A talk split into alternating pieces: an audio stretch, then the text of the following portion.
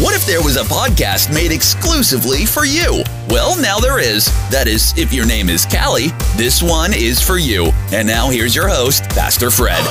Oh, yes, Alfred DaCosta, your host of the L4H podcast. What are you living for today?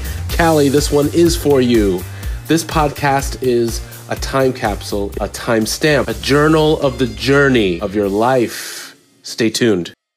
So, what this is going to be is a journey, a journey of all the milestones you'll be going through over the next few hours, days, months, and years. Something you can look back to and say, you know what? I remember when I was dealing with this. So, this podcast is going to have everything from the good times, the bad times. It's going to have the milestones. You've got big decisions coming up, Callie, in your life. But one thing that Christ did say is that he would neither leave us nor forsake us. That's a promise. And guess what? He wrote it, he put it on paper. And we're not just going to face these things, talk about these things, think about these things without first coming to the one who has the answer to every single one of these concerns.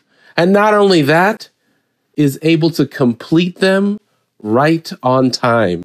You should be, I hope you're excited because God is going to do amazing things for you, through you, and everything you become involved with. So, this is episode one of that journey. Talk to you soon.